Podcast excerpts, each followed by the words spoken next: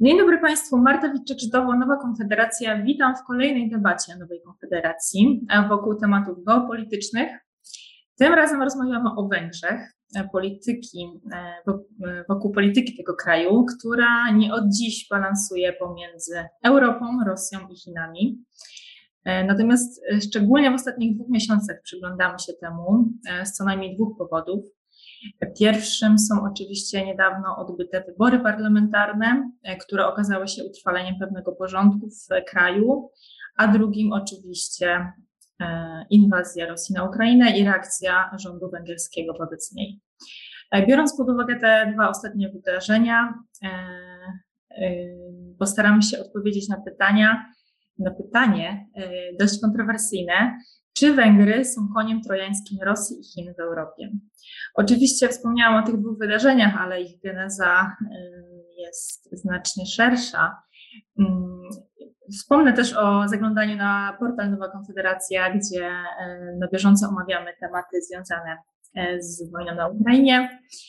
Proszę też Państwa o zostawianie łapek w górę, jeżeli ta dyskusja będzie dla Państwa ciekawa. A teraz już przechodząc do rzeczy, Moimi i Państwa gośćmi dzisiaj są pan profesor Bogdan Guralczyk, były kierownik Wydziału Politycznego i zastępca ambasadora Polski na Węgrzech, współpracownik Nowej Konfederacji, a także patron działu azjatyckiego Nowej Konfederacji. Dzień dobry Panie Profesorze. Dzień dobry, Jorek Geltkiwanok. E, jest z nami również Pani Weronika Jóźwiak, analityczka programu Europa Środkowa w Polskim Instytucie Spraw Międzynarodowych. Dzień dobry. Dzień dobry. I last but not least, pan Andrzej Sadecki, specjalista zespołu środkowoeuropejskiego w Ośrodku Studiów Wschodnich. Dzień dobry Państwu. Drodzy Państwo, zanim rozłożymy na czynniki pierwsze powiązania między Węgrami, e, Rosją i Chinami, oczywiście tutaj Rosję i Chiny rozdzielam, e, chciałabym Państwa zapytać, czy zaskoczyło coś Państwa w ostatnich reakcjach rządu węgierskiego na wydarzenia wokół wojny na Ukrainie? A jeżeli nie, to y, skąd się to wszystko wzięło? Czy możemy przyjąć taki moment, kiedy rząd węgierski obrał pewien kierunek, e, no, taki, który wydawałoby się, że nie jest naturalny do końca dla państwa członkowskiego Unii Europejskiej, NATO i mniej formalnej grupy wyszehradzkiej. Bardzo proszę, panie profesorze, o rozpoczęcie. Myślałem, że to pani Weronika, bo zawsze kobiety puszczamy na pierwszy front, ale no jest sytuacja frontowa, wojna, więc dobrze, niech będzie według starszyzny. E, po pierwsze, co chciałbym powiedzieć, to nie węgierski rząd i to nie dlatego, że jest w trakcie w tej chwili e, formułowania, kiedy jesteśmy tutaj na tym naszym webinarze, to znaczy niedługo się ukształtuje ale sytuacja na Węgrzech od lat y, jest dosyć jednoznaczna. To nie rząd, tylko Viktor Orban. Tam są coraz bardziej jednoosobowe rządy i nawet zaczyna się mówić o pełzającej autokracji. Najciekawsze, że w ramach Unii Europejskiej. Y, w tym sensie chciałbym mówić nie o węgierskim rządzie, tylko o Viktorze Orbanie. Y, I w tym przypadku wydaje się, że kluczowa była wizyta Wiktora Orbana w 2009 roku, jeszcze przed jego e, wejściem na scenę ponownie, bo on był już premierem e, w kadencji 1998-2002. W 2009 już było widoczne, że Fidesz otrzyma władzę na tacy i wtedy doszło do spotkania z e, Wiktora Orbana, kandydata na premiera z Władimirem Putinem. Ono trwało krótko, pół godziny, ale zdaje się, że coś tam zostało powiedziane. Nie mam archiwów, więc nie jestem w stanie tego udowodnić, e, że Viktor Orban dosyć jednoznacznie, kiedy doszedł do, w kwietniu 2010 roku do niepodzielnej władzy, czyli najpierw do kwalifikowanej konstytucyjnej większości, to zaczął się ku Rosji i Władimirowi Putinowi skłaniać. E, jest dla mnie przynajmniej, może współuczestnicy znajdą inne uzasadnienia, jest jeden dowód na to, Mianowicie Fidesz e, przez lata budował swoje imperium finansowe i medialne i robił to kumpel z wojska Wiktora Orbana, e, pan Szymiczka. I panowie w lutym 2015 roku w iście mafijny, zupełnie spektakularny i brutalny sposób się ze sobą rozeszli. I wtedy, kiedy Szymiczka nie wytrzymał i puścił trochę więcej słów swo ze swoich ust, to powiedział, że przyczyną było, był stosunek, nowy stosunek Orbana do Rosji, że nie o to kiedyśmy walczyli.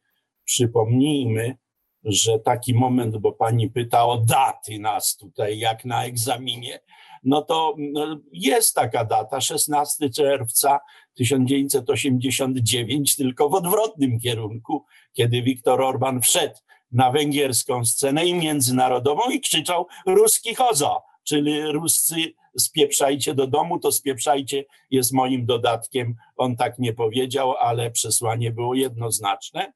No i teraz e, Ruscy idą do domu, tylko w odwrotnym kierunku. W tym sensie e, mamy tutaj poważny problem, e, który zrobił się problemem nie węgierskim, tylko międzynarodowym po dacie 20, 24 lutego bieżącego roku, czyli po agresji rosyjskiej na Ukrainie, która dla mnie jest takim watershed, to jest cezura, prawdopodobnie będzie w dziejach powszechnych, na pewno również współpracy środkowoeuropejskiej, wyszehradzkiej i tak dalej.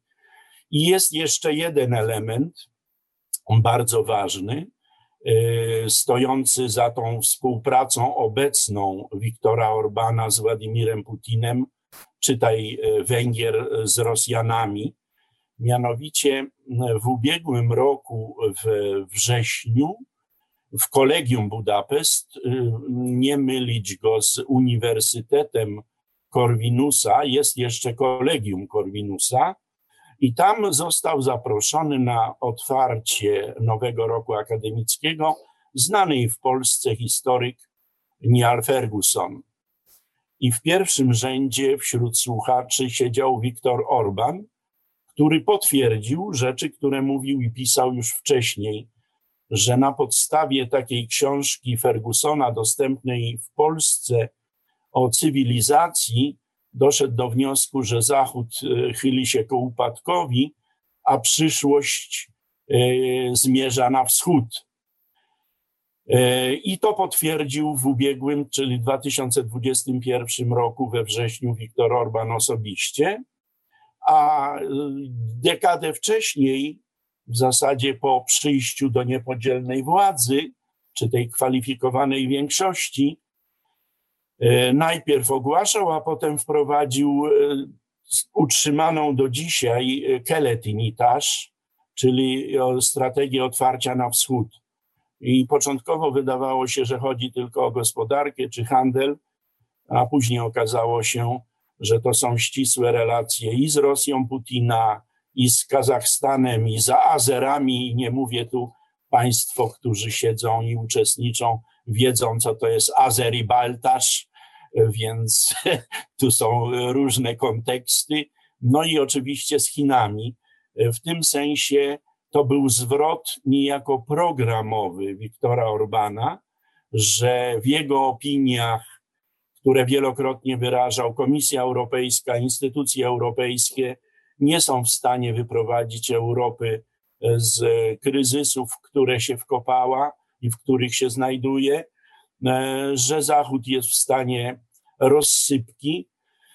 No a tu się okazuje, przychodzi 24 lutego 2022 roku, Zachód się jednoczy, naród ukraiński się tworzy, e, Amerykanie zamiast z Europy uciekać do Europy przyszli, no i wszystko się odmieniło i myślę, że na ten temat będziemy rozmawiali, a ja skończę swój przydługi wywód na początek.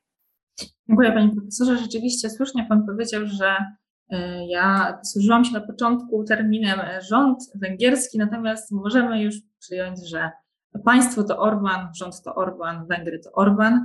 W związku z tym, Pani Weroniko, czy zgadza się Pani z tym stwierdzeniem, że strategia otwarcia na wschód rozpoczęła się z momentem wejścia Wiktora Orbana na scenę polityczną Węgier?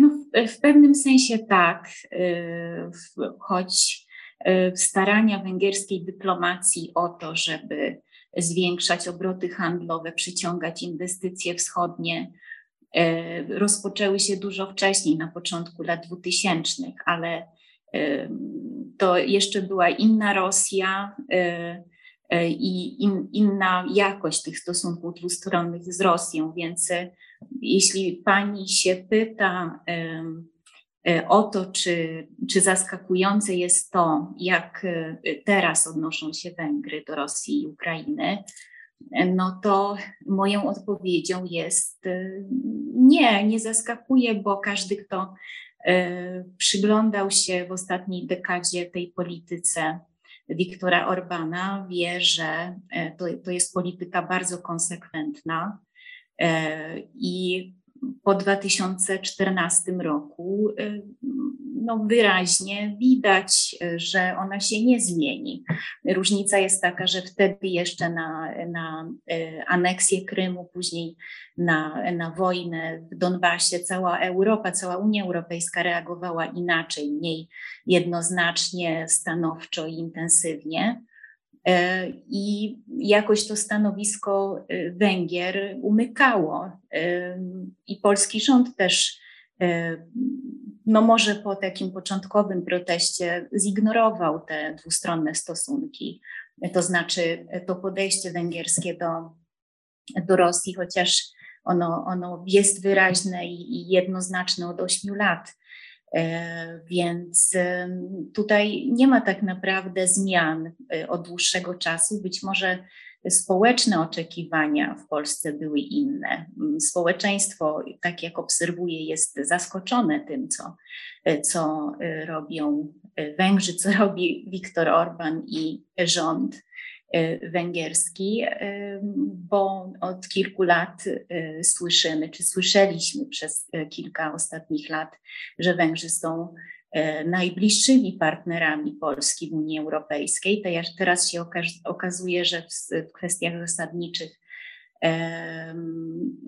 bardzo się różnimy poglądami, więc może społecznie jest to zaskoczenie dla ekspertów na pewno e, nie jest to zaskoczeniem. E, na pewno ważna jest ta data 2009 e, rok, kiedy Viktor Orban faktycznie złożył wizytę w Moskwie, spotkał się z Putinem i już wtedy towarzyszyli mu biznesmeni z, z kręgów Fidesu, między innymi wspomniany przez pana, pana profesora Szymiczko Lojusz. E, więc e, tutaj te powiązania gospodarcze, które są no, częściowo bardzo nietransparentne, e, właśnie wzięły już swój, swój początek przed 2010 i, i one ciągle prawdopodobnie trwają, choć nie wiemy, czym tak naprawdę trzymają, e, e, trzyma Rosja Węgry przy, przy sobie. To znaczy, jakie są te powiązania konkretnie, które powodują, że nawet w tej sytuacji międzynarodowej, kiedy jednak wszystkie państwa Unii Europejskiej jednoznacznie opowiedziały się po stronie Ukrainy w tej wojnie i w jaki sposób wspierają Ukrainę. Mogą być wewnętrzne dyskusje, chociażby w Niemczech, na temat tego, e, w jakiej formie należy wspierać e, e, i na ile, jaki powinien być ten wkład finansowy, wojskowy, ale jednak wszyscy wspierają Ukrainę. Węgry są tutaj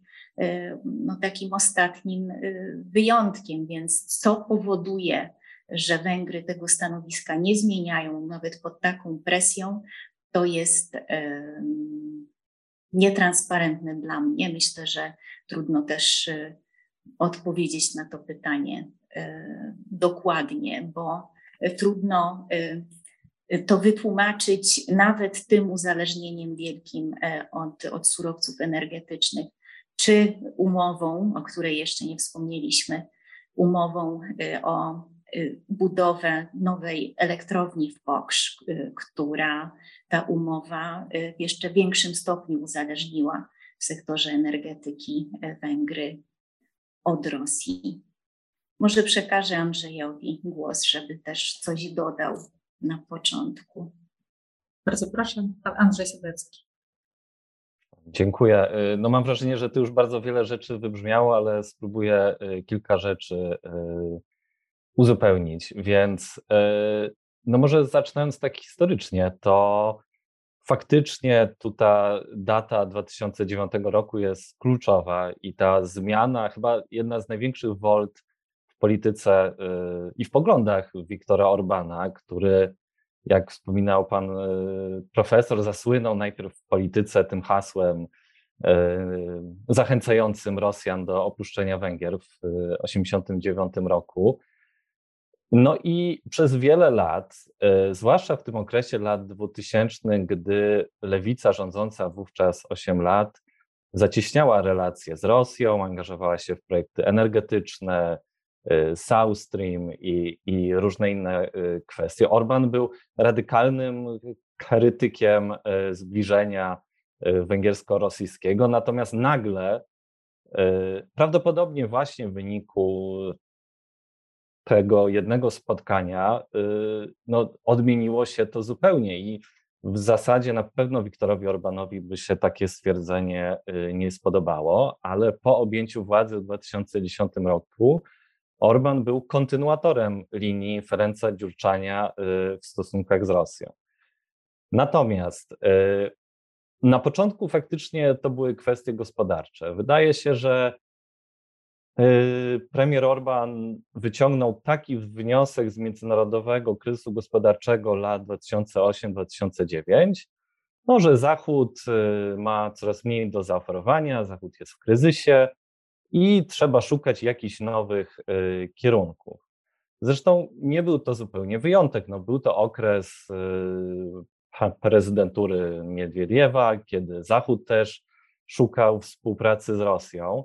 No więc te pierwsze lata to były właśnie próby zacieśnienia y, stosunków gospodarczych z Rosją i, i Chinami. Natomiast z biegiem lat te relacje zaczęły się rozwijać coraz bardziej na poziomie politycznym. Y, I tutaj, co ciekawe, y, umowa, która dotyczyła rozbudowy elektrowni jądrowej w Paksz, została podpisana tuż przed aneksją przez Rosję Półwyspu krymskiego, y, nielegalną oczywiście.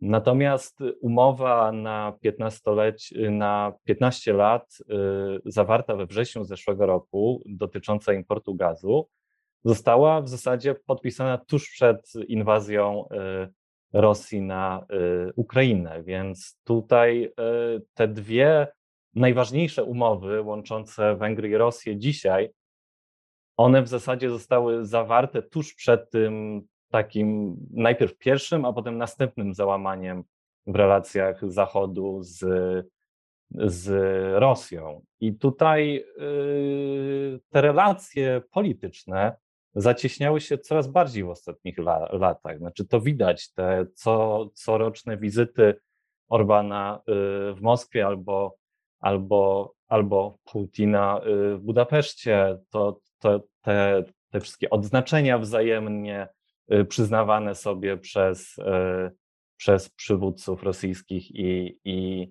i węgierskich. No, z perspektywy Orbana wydaje się, że to oprócz tych kwestii gospodarczych, i one dotyczą nie tylko gospodarki jako takiej, ale też,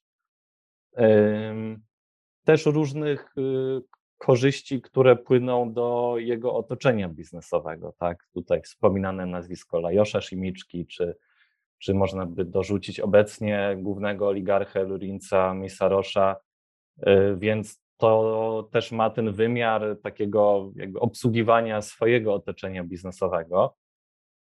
Mm, no i w pewnym sensie takiego chyba zwiększania pola manewru y, w polityce. To się różnie nazywa. Niektórzy to nazywają polityką balansowania, inni polityką wielowektorową, y, którą widzieliśmy też w innych y, państwach, czy mm, w państwach byłego Związku Sowieckiego, na, niegdyś na Ukrainie były próby prowadzenia takiej polityki, która właśnie by oznaczała balansowanie między różnymi mocarstwami regionalnymi. I tutaj Węgry z tym eksperymentują, natomiast y, ten bilans, o tym pewnie jeszcze będziemy rozmawiać, nie jest zbyt imponujący. Tak? Te największe projekty infrastrukturalne, zwłaszcza elektrownia jądrowa w Paksz, okazuje się niezwykle opóźniona i niezwykle kosztowna. W innych kwestiach również nie ma jakichś takich namacalnych e, efektów tej współpracy z Rosją, które by przynosiły jakieś szczególne zyski dla, dla Węgier, więc faktycznie jest to, jest to pytanie, do którego się odnosiła przed chwilą Weronika, że w zasadzie ta reakcja, zwłaszcza już po wybuchu wojny 24 lutego, y, no jeszcze w pierwszym okresie mogła być tłumaczona y, kampanią, tak? No, nagle okazało się, że to, co Orban y, robił przez tyle lat i przekonywał, że Rosja jest wiarygodnym, stabilnym part partnerem, nagle się rozsypało. No więc jakoś władza musiała to na finiszu kampanii wytłumaczyć wyborcom. Natomiast to, że, że ta linia jest kontynuowana już po wyborach, no minęło już miesiąc i kilka dni. Jest, jest naprawdę zaskakujące. Oczywiście zobaczymy, co będzie za kilka tygodni, gdy sformowany zostanie który już piąty rząd e, Wiktora Orbana, e, czwarty z rzędu. Mm, zobaczymy, jak będą wyglądały nominacje na główne funkcje, zwłaszcza na ministra spraw zagranicznych. Mm, ale jak na razie żadnych znaków o zmianie linii politycznej e, w kwestii rosyjskiej e, nie widać. Dziękuję. Wspomnieliście Państwo o dwóch y, najważniejszych czynnikach, które, na których opierają się te relacje, czyli relacje gospodarcze i polityczne y, i realizacja przede wszystkim interesu Orbana. Natomiast Panie Profesorze, ja chciałam Pana zapytać, to w takim razie Viktor Orban realizuje y, interes narodu węgierskiego czy interes własnej partii? Viktor Orban realizuje przede wszystkim interes swój, własnej rodziny, później własnej partii, a potem własnego państwa, a nawet więcej interes Węgrów, bo przecież zmienił konstytucję. Nie ma od 2012 roku Republiki Węgierskiej, są Węgry, a w jego rozumieniu Węgry są wszędzie tam, gdzie mieszkają Węgrzy przecież jak miał wiec przedwyborczy 15 marca tego roku, po jednej stronie Dunaju, po drugiej tam opozycja z Donaldem Tuskiem miała też swój wiec. Zresztą były znamienne słowa Orbana wymierzone w Tuska. To wówczas prezentował się przecież jako przywódca 15 milionów Węgrów, a o ile wiemy, jest 9,5, 9, niespełna 10 milionów Węgrów na terenie tego, co jest wyznaczone granicami na mapach światowych. Czyli Viktor Orban ma wiele interesów i wistuje ponad stan swojego państwa, to znaczy uznał, że już jest jedynowładcą w kraju i jest wielkim rozgrywającym na scenie międzynarodowej, bo może jak równy z równym, czy mógł do, do 24 lutego bieżącego roku rozmawiać jak równy z równym, a to z Donaldem Trumpem, a to z e, Władimirem, Putinem, a to z Xi Jinpingiem, a to Benjaminem Netanyahu, e, a, a to Recepem Tayyipem Erdoanem. Natomiast e, sytuacja się diametralnie zmieniła. Putin ma znane powszechnie kłopoty, bo jego blitzkrieg i jego cele nie zostały osiągnięte nie ma e, nowego namiestnika w Kijowie, a prezydent Żeleński stał się bohaterem światowym, nie Putin. E, Recep Tayyip Erdoğan ma niebywałą inflację i własne kłopoty. Nawet Chińczycy mają potężne kłopoty, bo przecież Szanghaj 26-milionowe miasto jest w lockdownie od 28 marca non-stop. Mogą się tam jeszcze niebywałe rzeczy zdarzyć. A Orban tkwi w swoim. I tu ja właśnie wróciłem z Węgier i kopałem te rzeczy bardzo mocno, a nawet swoje napisałem i lekcje już odrobiłem. Niedługo się mój duży esej o e, wewnętrzu, wnętrzu systemu Orbana pokaże. Wydaje mi się, że dwie rzeczy można powiedzieć. Jedna, że Orban tkwi e, w kieszeni e, Rosjan w jakiejś mierze, dlatego że umowy z Rosjanami, w tym ta o odbudowie, restauracji, czy tak naprawdę budowie nowej elektrowni atomowej w Poksz, to jest wszystko schowane, to jest wszystko nietransparentne, w przeciwieństwie do porozumień z Unią Europejską, podobnie jak porozumienia dotyczące flagowego e, projektu z Chinami w ramach 16 plus 1, czyli szybkiej kolei chińskiej łączącej Belgrad z Budapesztem. To gdzieś w tajemnicach tkwi, czy to wspomnianego Lorinca Mejsa-Rosza, e, czy samego Orbana. I to jest jedna rzecz, która sporo wyjaśnia, ale nie jesteśmy w stanie tego udowodnić. Możemy tylko spekulować, bo szczegółów nie znamy. I druga, ja detektywistycznie to badam od lat, no bo wydałem niedawno w stulecie Trianon książkę na ten temat, że Viktor Orban jednak e, prowadzi politykę rewizjonistyczną, e, która wymaga no, pewnej zawieruchy międzynarodowej, e, że prowadzi taką politykę, no to przecież na frontonie gmachu parlamentu dla nieuczestników naszej debaty, ale dla naszych słuchaczy, to nie jest, fronton to nie jest to, co od Dunaju, tylko z drugiej strony od placu Koszuta. Przecież tam jest mauzoleum specjalne wydane, wy, wybudowane w stulecie Trianon, gdzie są wypisane po węgiersku wszystkie nazwy e, z lat dualizmu i korony świętego Stefana. Uważajmy my Polacy, bo tam jest również Nedec, czyli nasza niedzica. Jak Węgry zaczną rewizjonistycznie zajmować swe ziemie, to będziemy o Spisz walczyli, lepiej swoich Janosików przygotować. E, żartuję sobie. Natomiast y, oczywiście tutaj wchodzi mm, rzecz, że Orban prezentuje się jako przywódca wszystkich Węgrów.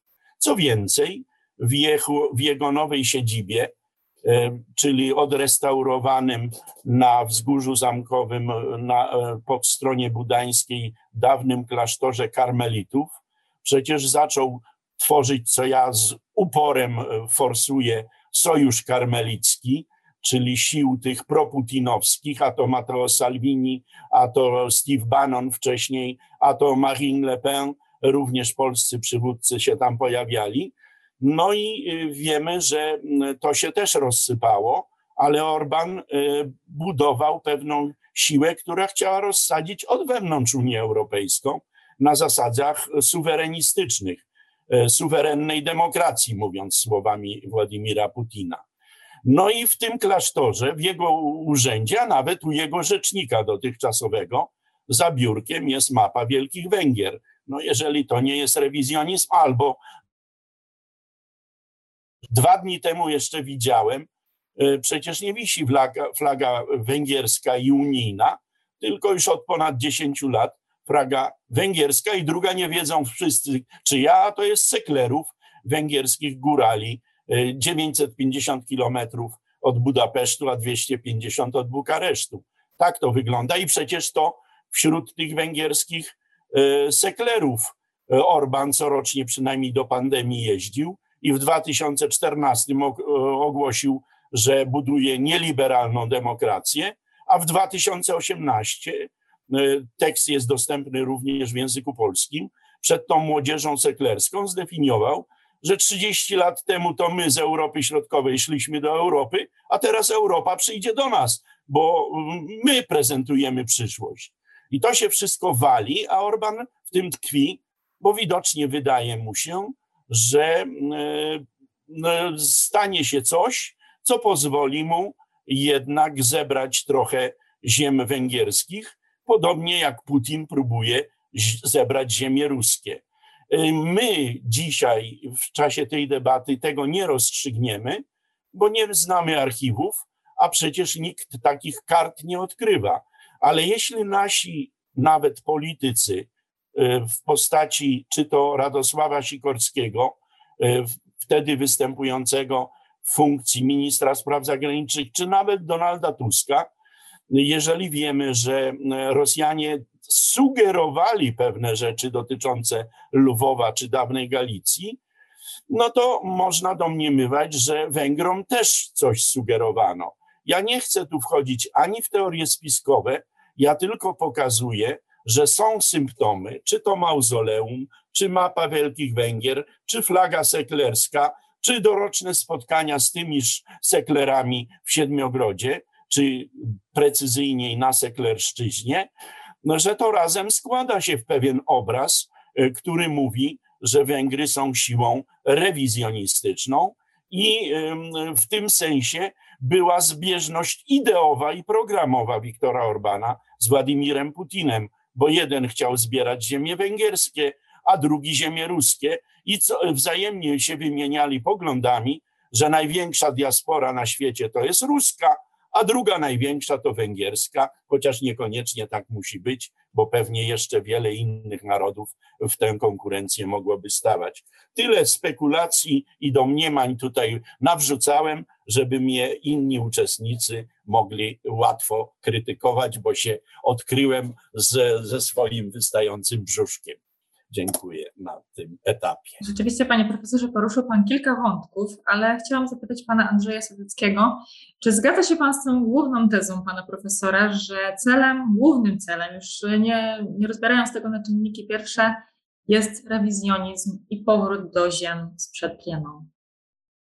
No to jest faktycznie bardzo ważna kwestia i tu ostatnio, no zwłaszcza od wybuchu wojny, ten, ten temat się przywija w dyskusji publicznej. Jest, jest sporo głosów, no też sporo takich głosów z Ukrainy, które yy, Węgry o to podejrzewają. Znaczy, faktem jest na pewno, i tu się zgadzam w pełni, że te nastroje rewizjonistyczne nie zniknęły, mimo że od traktatu z Trianon minęło 100 lat, czy 100 dwa lata dokładnie, to y, ciągle te emocje są, one trochę były w, w uśpieniu, w latach 90., 2000 zaczęły wracać i w okresie rządów Fidesu one weszły do tej przestrzeni publicznej właśnie w postaci czy obecności map Wielkich Węgier, tak, które zawierają w sobie nie tylko te Węgry dzisiejsze, ale Siedmiogród rumuński, Słowację i tak dalej, i Zakarpacie ukraińskie, co istotne w tym kontekście.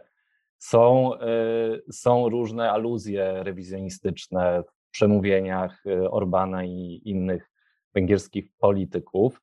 Natomiast ja przynajmniej do tej pory postrzegałem to za, za pewną taką grę z elektoratem, tak? Takie, takie pokazanie, że my o tym pamiętamy, że ta rana ciągle tak się nie zabliźniła, że musimy o tym, co spotkało Węgier 100 lat temu, y, pamiętać, że y, i też y, w pewnym sensie wykorzystywanie tego tematu w sporach z Zachodem, no bo jednak traktat z Trianon w pamięci węgierskiej jest w dużej mierze takim wydarzeniem, y, no, który pokazuje, że to Zachód nas zostawił, y, Zachód y, dopuścił do utraty przez nas tych ziem 100 lat temu po I wojnie światowej. Panie Andrzeju, nemle sunt nie będziemy kolonią. Tak, tak. No właśnie, no więc to wszystko gdzieś się spina w jedną całość. Natomiast no właśnie, czy to jest kwestia realnych y, aspiracji do odzyskania tych ziem, realnych, no bo Orban mówi o tej wirtualnej reintegracji narodu, czyli właśnie tak, że niezależnie od tego, że nasz naród jest rozdzielony, no to stanowi je, jedną całość, niezależnie od tego, gdzie, gdzie leżą granice państwowe, no to realnie patrząc, no Węgry nie mają dzisiaj zbyt dużych szans na jakiekolwiek odzyskanie tych ziemi. Myślę, że też politycy Fidesu nie wierzą w, w taki scenariusz, bo no po pierwsze, Węgry są dzisiaj niewielkim państwem, ich armia no nie ma jakiegoś zbyt dużego potencjału bojowego. Y, no jedynie, no właśnie, kwestia Zakarpacia. No, Ukraina na razie nie przegrywa wojny z Rosją, na pewno. Tak? Węgry są w NATO, w Unii Europejskiej. Żeby do czegoś takiego doszło, musiałaby nastąpić wielka dekompozycja całego systemu międzynarodowego w Europie, tak? Rozpadu NATO, rozpadu Unii Europejskiej, wyjścia Stanów. No, jeśli założymy, no, ciągle chyba dość abstrakcyjny scenariusz, że, że w USA wygrywa absolutnie izolacjonistyczny polityk, Rosja wygrywa wojnę, tak? Jest jakaś większa, y, większy rozpad, czy na większą skalę rozpad ładu międzynarodowego, no to kto wie, ale na razie nic, nic nie wskazuje na to, żeby Węgry miały szansę do czegoś takiego doprowadzić. Natomiast oczywiście te emocje są jakoś w pewien sposób obsługiwane przez Fidesz i, i, i skanalizowane. Więc w tym sensie wydaje mi się, że scenariusz e, rewizji traktatu z Tarianą to jest wciąż e, political fiction, ale oczywiście no, warto o tym e, dyskutować. Tendencje rewizjonistyczne na pewno są wśród Fideszu, na pewno są też wśród węgierskiej prawicy, ale Pani Weroniko, ja chciałabym zapytać, czy w takim razie te, ten rewizjonizm to jest emanacja e, dążeń całego społeczeństwa, no bo przecież nie bez powodu Fidesz po raz czwarty z rzędu w koalicji zdobył większość. E, czy społeczeństwo zgadza się z tym, z tą główną linią programową? To znaczy, ja nie uważam, że główną linią programową Fideszu jest rewizjonizm, że jakby przez podsycanie tych emocji y, y, Fidesz wygrał wybory, że to jest jakiś główny przekaz, ale, ale na pewno w przekazie społecznym partii rządzącej jest taki wyraźny element tego, że Trianon nie jest historią zamkniętą. Jakby wydaje mi się, że węgierskie społeczeństwo wierzy w to, że coś jeszcze w tej sprawie może się wydarzyć. I to, to nie oznacza, że, e, że węgierski rząd e, e, w sposób otwarty dąży do, do odzyskania ziem sprzed Trianon. To nie jest, jakby pro, nie jest program polityczny, to nie jest cel węgierskiej polityki zagranicznej, ale no ale właśnie w ogóle, że rozmawiamy o tym, że to nie jest do końca e, absolutną abstrakcją, e, to jednak pokazuje, że Węgry próbują jakby wrzucać ten temat w myślenie E, myślenie takie, nie wiem, o polityce regionalnej, że e, myślę, że e, mogą czekać na taki odpowiedni moment, kiedy ten, ten temat w ogóle w, w polityce międzynarodowej, w dyskusjach E, na, na poważnie się pojawi. I kiedy może się poważnie pojawić taki temat, na przykład jeśli gdzieś w regionie, nie w Unii Europejskiej, ale na przykład na Bałkanach dojdzie do rozpadu jakiegoś państwa, do, e, do zmiany granic. E, no i tutaj w tym kontekście bardzo znamienne i, i ciekawe jest to, że Viktor Orban od lat utrzymuje y, kontakty. Wielokrotnie się spotkał y, w zeszłym roku, wielokrotnie, co najmniej dwa razy, ale chyba nawet trzy razy, z Miloradem Dodikiem, czyli y, przywódcą bośniackich Serbów, który no, dąży do wyprowadzenia Serbów tej części państwa z Bośni i Hercegowiny co by doprowadziło właśnie do, do zmiany granic i byłoby w pewnym sensie e, precedensem. Więc tutaj nie chodzi o realizację, to chciałam w sumie powiedzieć, e, konkretnych celów polityki zagranicznej w postaci odzyskania czegokolwiek, tylko o granie na to, żeby gdzieś w bezpośrednim sąsiedztwie ewentualnie coś się wydarzyło, żeby nastąpiła jakaś zmiana w stosunkach międzynarodowych pod takim względem, żeby coś, co wydaje się absurdalne czy zupełnie nierealne być może dzisiaj, wróciło jako temat dyskusji. E, I, I to jest bardzo niebezpieczne. I, i tutaj konkretne sprawy, to znaczy polityka realnie prowadzona przez Węgry, łączy się z dyskursem politycznym, z tą retoryką, o, o której wspominał Andrzej i pan profesor, czyli podnoszenie kwestii autonomii, mniejszości węgierskiej poza granicami kraju, nawet po aneksji Krymu. E, przecież w tym momencie takim bardzo wrażliwym dla Ukraińców Viktor Orban podnosił kwestię autonomii Węgrów na Zakarpaciu, co zostało przez władze ukraińskie oczywiście no, w naturalny sposób odebrane bardzo, bardzo źle.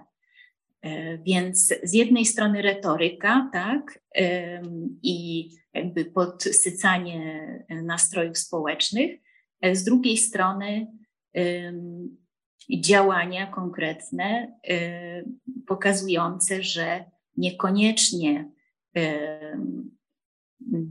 prawo międzynarodowe i jakby obecny E, obecny status quo e, na Bałkanach e, jest absolutnym priorytetem dla, dla Wiktora Orbana.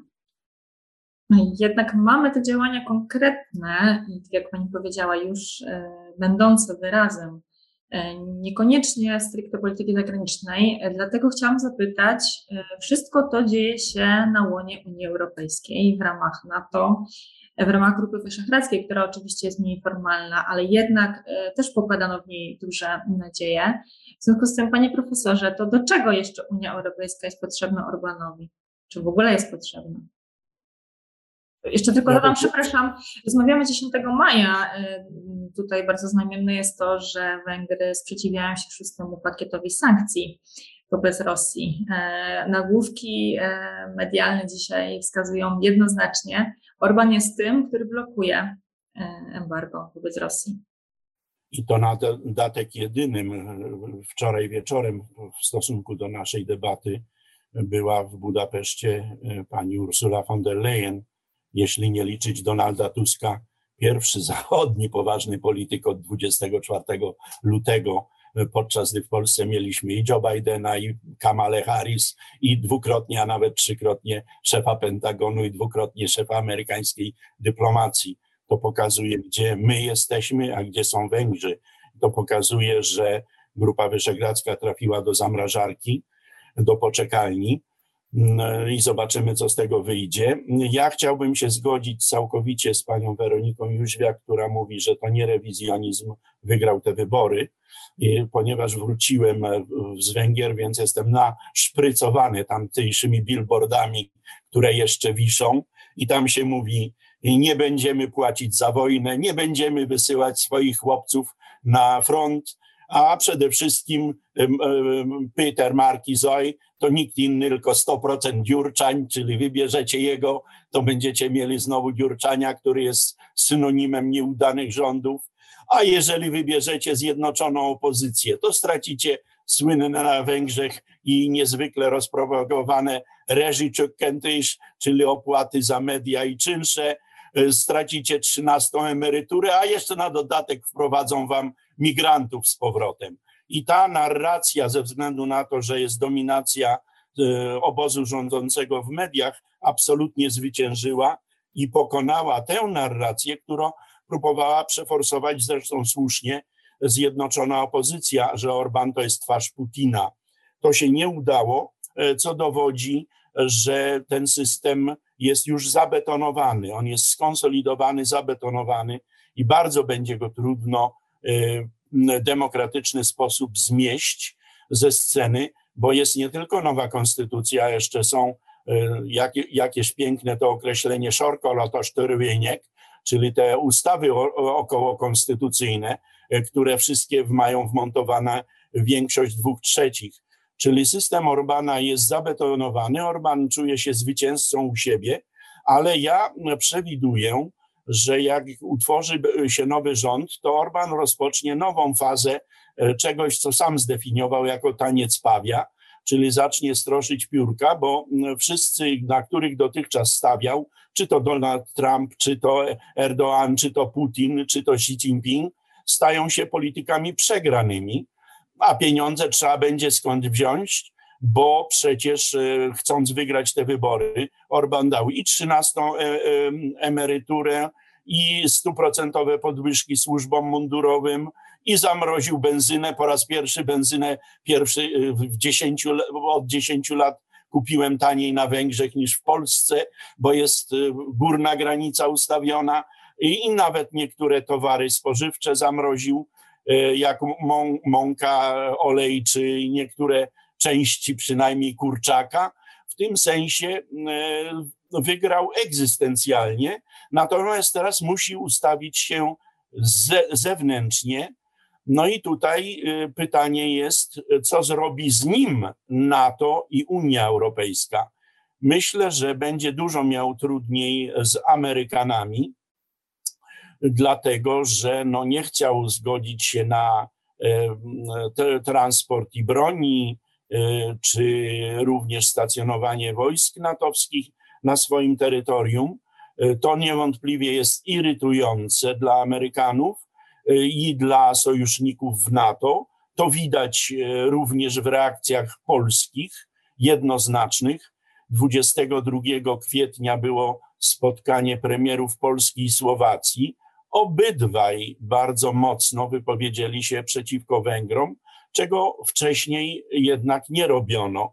Mamy więc znowu nową sytuację i Orban jest politykiem sprawnym, nie jest oderwany od rzeczywistości, chociaż już dawno wokół siebie wyeliminował checks and balances, czyli wszelkie zabezpieczenia, że ktoś tam dobry wokół niego stanie. Plotki w Budapeszcie mówią, że drugą osobą w nowym gabinecie będzie Antal Rogan, tylko dlatego, że to on wymyślił to hasło, że e, Węgry są oazą spokoju i będą mieli ropę i gaz bez względu na to, skąd one pochodzą, a, a inni mają zakręcane kurki i tu się pokazuje w kierunku Polski i Warszawy. E, w tym sensie wydaje się, że e, najtrudniejszy okres Wiktora Orbana dopiero się zaczyna, dlatego że sytuacja gospodarcza w całej Europie mamy inflację i mamy trudności. Odczuwamy je w Polsce również. Sytuacja gospodarcza na Węgrzech jest bardziej dramatyczna. Deficyt budżetowy nawet oficjalnie trzykrotnie przekracza poziom dopuszczalny w Unii Europejskiej. No i Węgry stanęły po drugiej stronie barykady, to znaczy stały się wyizolowaną wyspą w ramach sojuszu NATO, i w ramach Unii Europejskiej. Ten stan na długą metę nie jest do utrzymania. Jestem sam niezmiernie ciekaw, jak Viktor Orban, co będzie po raz pierwszy w jego długiej już historii politycznej, będzie sprawował się w ramach Walszak-Kezelisz, czyli w ramach zarządzania kryzysem, bo to jest nowe zupełnie dla niego wyzwanie, a przed takim stoi w wymiarze dyplomatycznym, ekonomicznym, wewnętrznym i zewnętrznym. Czyli wszystko najciekawsze dopiero na Węgrzech, moim zdaniem, się zaczyna. Zgadzam się, że się zaczyna. A Panie Andrzeju, czy Pan również, e, oczywiście wyczekując na te efekty, ale zgadza się z tym, że Węgry idą w kierunku, czy będą izolowane i czy Unia i NATO też jednoznacznie już e, przyporządkowały miejsce Węgier w Europie. Mhm. No ja bym powiedział tak, że Węgry znajdują się w tej chwili, albo inaczej. E, Viktor Orban i jego ekipa znajdują się w o tyle paradoksalnej sytuacji, że wygrali wybory no, większością oczywiście potężną, no, 53% y, głosów. Oczywiście nie wiadomo, jaki to byłby wynik, gdyby inne partie miały równe szanse, no ale to jest na inną dyskusję. No więc mają to poczucie tej bardzo silnej legitymizacji i poparcia spo, społecznego, a z drugiej strony no sytuacja jest bardzo ciężka. I to, co mówił pan y, profesor w gospodarce, no ale zwłaszcza w polityce zagranicznej. To znaczy, Węgry oczywiście zajmowały taką specyficzną pozycję już od dobrych kilku lat w Unii Europejskiej i NATO. Natomiast no, sytuacja jednak się zasadniczo zmieniła od wybuchu wojny. To znaczy, jak cofniemy się do 2014 roku, no to nawet w regionie Europy Środkowej no nie było na tyle wspólnego stanowiska i Słowacja, i Bułgaria, nawet Czechy do pewnego stopnia opowiadały się za zachowaniem e, znacznej części współpracy z Rosją. A dzisiaj jest jednak inaczej. Dzisiaj Węgry naprawdę się odróżniają i nawet w tych państwach, w których są na przykład dosyć silne nastroje prorosyjskie, w Bułgarii, w Słowacji i w kilku innych, no to te państwa jednak wspierają Ukrainę e, jednoznacznie, wysyłają broń, wysyłają amunicję. E, oczywiście no, kwestia embarga na, na ropę jest skomplikowana i tutaj e, te państwa są w trudniejszej sytuacji niż, niż, niż, zachodnie, niż państwa zachodniej Europy, no, które nie odbierają w tak dużym stopniu ropy rosyjskiej ale y, w gruncie rzeczy no Węgry naprawdę w tej chwili wyraźnie są na marginesie. No jeszcze oczywiście w pewnych kwestiach Austria, w pewnych kwestiach inne państwa, ale generalnie znalazły się chyba najbardziej e, w ostatnich trzech dekadach na marginesie Unii Europejskiej i, i NATO. I oczywiście no, stąd płynąłby naturalny wniosek, że y, konieczna jest y, korekta, no bo jednak tym głównym źródłem finansowania Y, są fundusze unijne, Rosja ma coraz mniej do zaoferowania Węgrom, no też finansowo. Znaczy to y, y, Rosja w najbliższych miesiącach będzie coraz bardziej się staczać problemy gospodarcze, więc te wszystkie plany prawdopodobnie nie zostaną zrealizowane. Ale no właśnie, jak na razie tych zmian w postawie Węgier nie ma. Oczywiście są jakieś drobne kwestie, no E, Węgry jednak e, zadeklarowały, że przyjmą wojska natowskie, chociaż tylko w zachodniej części państwa. To jest taka dziwna formuła. E, Węgry popierały sankcje dotychczas, aż do szóstego pakietu. Natomiast, zwłaszcza retorycznie, jeśli dzisiaj posłuchać, co mówią przywódcy Fidesu, Viktor Orban, e, Peter Siar, to minister spraw zagranicznych, Laszlo Kywier w ostatnich dniach miał też kilka wypowiedzi ciekawych, no to, to, to zupełnie nie brzmi jak wypowiedzi jakby członków wspólnoty zachodniej, mówiąc już tak ogólnie. I, i tutaj oczywiście no, prawdopodobnie Orban będzie próbował w jakimś tam stopniu robić to minimum, tak? E, natomiast no bez chyba jakiejś zasadniczej zmiany, no będzie mu bardzo trudno odbudować też to, co dla niego w ostatnich latach było najważniejsze, czyli na przykład współpraca środkowoeuropejska. I tu od wielu lat Orban przeciw, przeciwstawiał środkową Europę zachodniej e, Europie, tak, że jest to ta y, część kontynentu, która szybciej się rozwija, która która no też y, w tej warstwie ideologicznej jest y, bardziej spójna i tak dalej.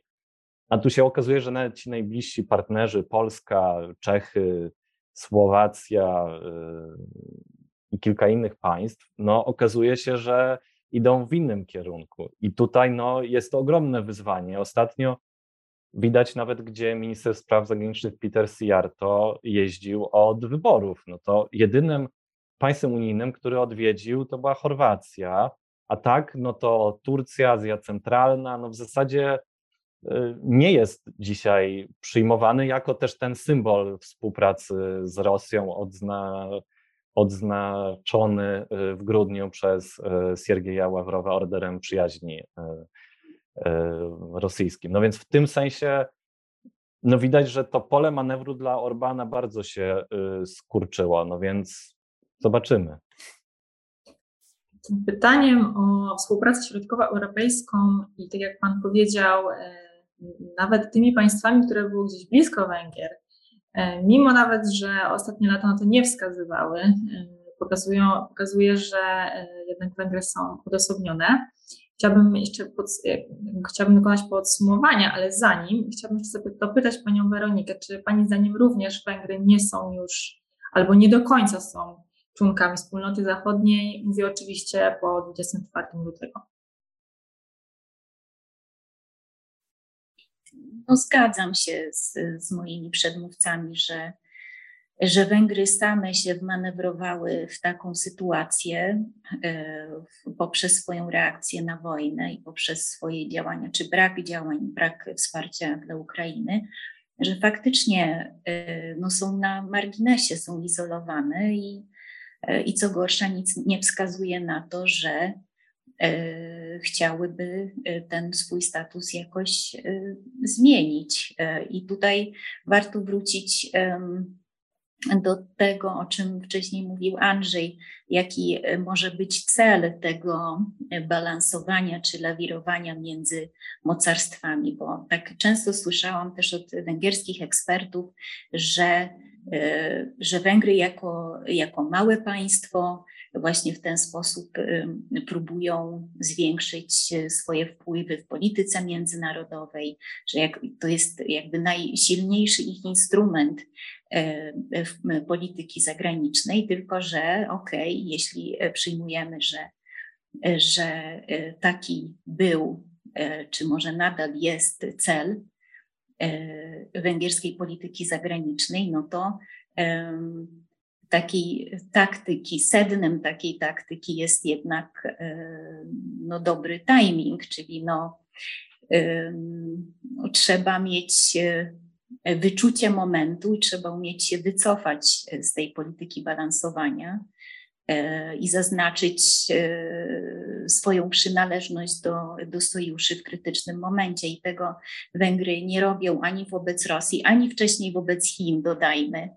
E, bo e, w zeszłym roku, kiedy kolejne państwa Europy Środkowej wycofywały się e, ze współpracy 16 plus 1, najpierw państwa bałtyckie z Litwą na czele, później też Słowacja i Czechy, to wtedy Węgry zainicjowały budowę kampusu Chińskiego Uniwersytetu Fudan z chińskiego kredytu, e, z ogromnych pieniędzy, tam chyba ponad półtora miliarda euro, e, czyli coś, no, czego w ogóle nikt nie robi, żeby sfinansować e, z publicznych pieniędzy budowę kampusu, uczelni działającej na, na, na warunkach rynkowych, więc dość absurdalna sytuacja. W każdym razie, wracając tutaj do stosunków węgiersko-rosyjskich, to no, jednoznacznie w interesie Węgier, w interesie narodowym jest wzmacnianie sojuszu, y, wzmacnianie pozycji Węgier w swoich sojuszach, a Węgry wydaje się, że w dalszym ciągu osłabiają jedno i drugie. Dziękuję Panie Andrzeju. Jakoś na podsumowanie Pana ETS, y, jeszcze raz chciałabym dopytać, y, czyli co, czyli zamrożenie, a może nawet zakończenie współpracy państw Europy Środkowej y, i Węgry idą w pojedynkę razem z Rosją i dalej Chinami. Znaczy, mam nadzieję, że ten scenariusz się nie spełni, tak? Ciągle, ciągle są szanse na to, żeby Orban zmienił, a w każdym razie skorygował swój kurs Myślę, że te sygnały, które też płyną z Warszawy, Pragi, Bratysławy i też innych e, stolic, e, nakłaniają go do tego. Natomiast, no właśnie, oznaczałoby to e, odejście od tej strategii, którą realizował przez no, zgoła 10 lub kilkanaście lat i, kto, i która no, jakby zakorzeniła się i w praktyce administracyjnej, i, i, i generalnie jest to też pewna koncepcja, którą y, Fidesz bardzo mocno promował wobec opinii publicznej. Tak? Widać, że to nastawienie do Rosji się poprawiało w ostatnich latach, mimo y, agresywnego zachowania Rosji wobec sąsiadów. Tak? Te, te, te nastawienie do Stanów Zjednoczonych z kolei jest coraz bardziej negatywne w, w elektoracie Fideszu. No więc w tym sensie w, pew, w pewnej mierze Y, Orban staje się zakładnikiem czegoś, co stworzył. Natomiast ja jestem ciągle przekonany, że nie jest za późno. Czy zdaniem pana profesora również nie jest za późno, czy już jest? Nigdy nie jest za późno, zawsze można coś zmienić i Orban nieraz dokonywał wolty. Natomiast jemu się po 24 lutego świat zawalił. Myślę, że czeka na wynik y, starć w Donbasie, na walk, na walki, na jak zakończy się wojna. I tak jak powiedziałem wcześniej, spodziewam się, że w najbliższych miesiącach stanowisko Orbana i Węgier oficjalne będzie ulegało zmianie, bo musi. W tej chwili y, Węgry znalazły się po przeciwnych stronach barykady. Są jedynym y, formalnie przyjacielem Putina y, w całej Unii Europejskiej i w NATO. I tego stanu na długą metę utrzymać się w obecnej sytuacji nie da, ale my rozmawiamy, to trzeba podkreślić na zakończenie, w czasie wojny. Ta wojna jeszcze nie jest zakończona. Ostatecznie nie wiemy, czym się zakończy, poza jednym, co mam nadzieję, że dociera również do Wiktora Orbana, że cokolwiek się nie stanie, Rosja wyjdzie z tego konfliktu osłabiona, a nie wzmocniona. Z Chinami też się dzieją dziwne rzeczy i zapraszam się między wierszami na kolejną debatę w tym kontekście. Natomiast y, myślę, że mogą decydować w tej chwili, w te wakacje i wczesną jesienią bieżącego roku jednak kwestie gospodarcze. Sytuacja na Węgrzech y, w sensie gospodarczym robi się y, dramatyczna. Tam y, zapanowało rozdawnictwo. Tam już od roku, praktycznie od roku był stały spór między ministrem finansów a szefem banku centralnego Głównie chodziło o deficyt budżetowy, ale również rosnący dług, a równocześnie my rozmawiamy o izolacji na arenie międzynarodowej, w sensie w wymiarze świata zachodniego. Yy, myślę, a nawet jestem pewien, że będzie nowa odsłona tańca Pawia w wykonaniu Wiktora Orbana i jestem sam ciekaw, jak będzie wyglądała i kiedy się rozpocznie. Myślę, że po ogłoszeniu bezpośrednio składu nowego gabinetu będziemy mieli wskazanie, czy takie coś jest już możliwe, czy będziemy czekali na dalsze rozstrzygnięcia na frontach e, na terenie Ukrainy. Dziękuję. Jak Państwo powiedzieliście, najciekawsze jeszcze przed nami. E, jeżeli ktoś z Państwa jeszcze chciałby coś dodać na koniec, zapraszam. Pani Weroniko czy nie? To może słowem podsumowania, y, bo tutaj w tej rundzie jeszcze niczego nie dodałam. Ja zgadzam się z tym, że być może Viktor Orban czeka na rozstrzygnięcie tej wojny. Ja, mi się wydaje, że on wciąż ma nadzieję, że y, mimo wszystko jakaś współpraca z Rosją y, będzie ostatecznie możliwa. Y, ale niezależnie od tego on bardzo potrzebuje środków z Unii Europejskiej i e, być może przeciąganie tych negocjacji w sprawie embarga e, też służy temu, żeby wycisnąć, brzydko mówiąc, jak najwięcej środków e, z Unii Europejskiej na, na te inwestycje technologiczne, na przekształcenie rafinerii i tak dalej. Więc e, być może to jest taki ruch taktyczny, a ostatecznie Węgry się zgodzą na, e, na embargo. E, to może tyle na zakończenie. Tych niewiadomych jest jeszcze bardzo dużo. Dziękuję Państwu bardzo serdecznie za wytłumaczenie sytuacji bieżącej. No, mamy maj, ale jeszcze dużo przed nami.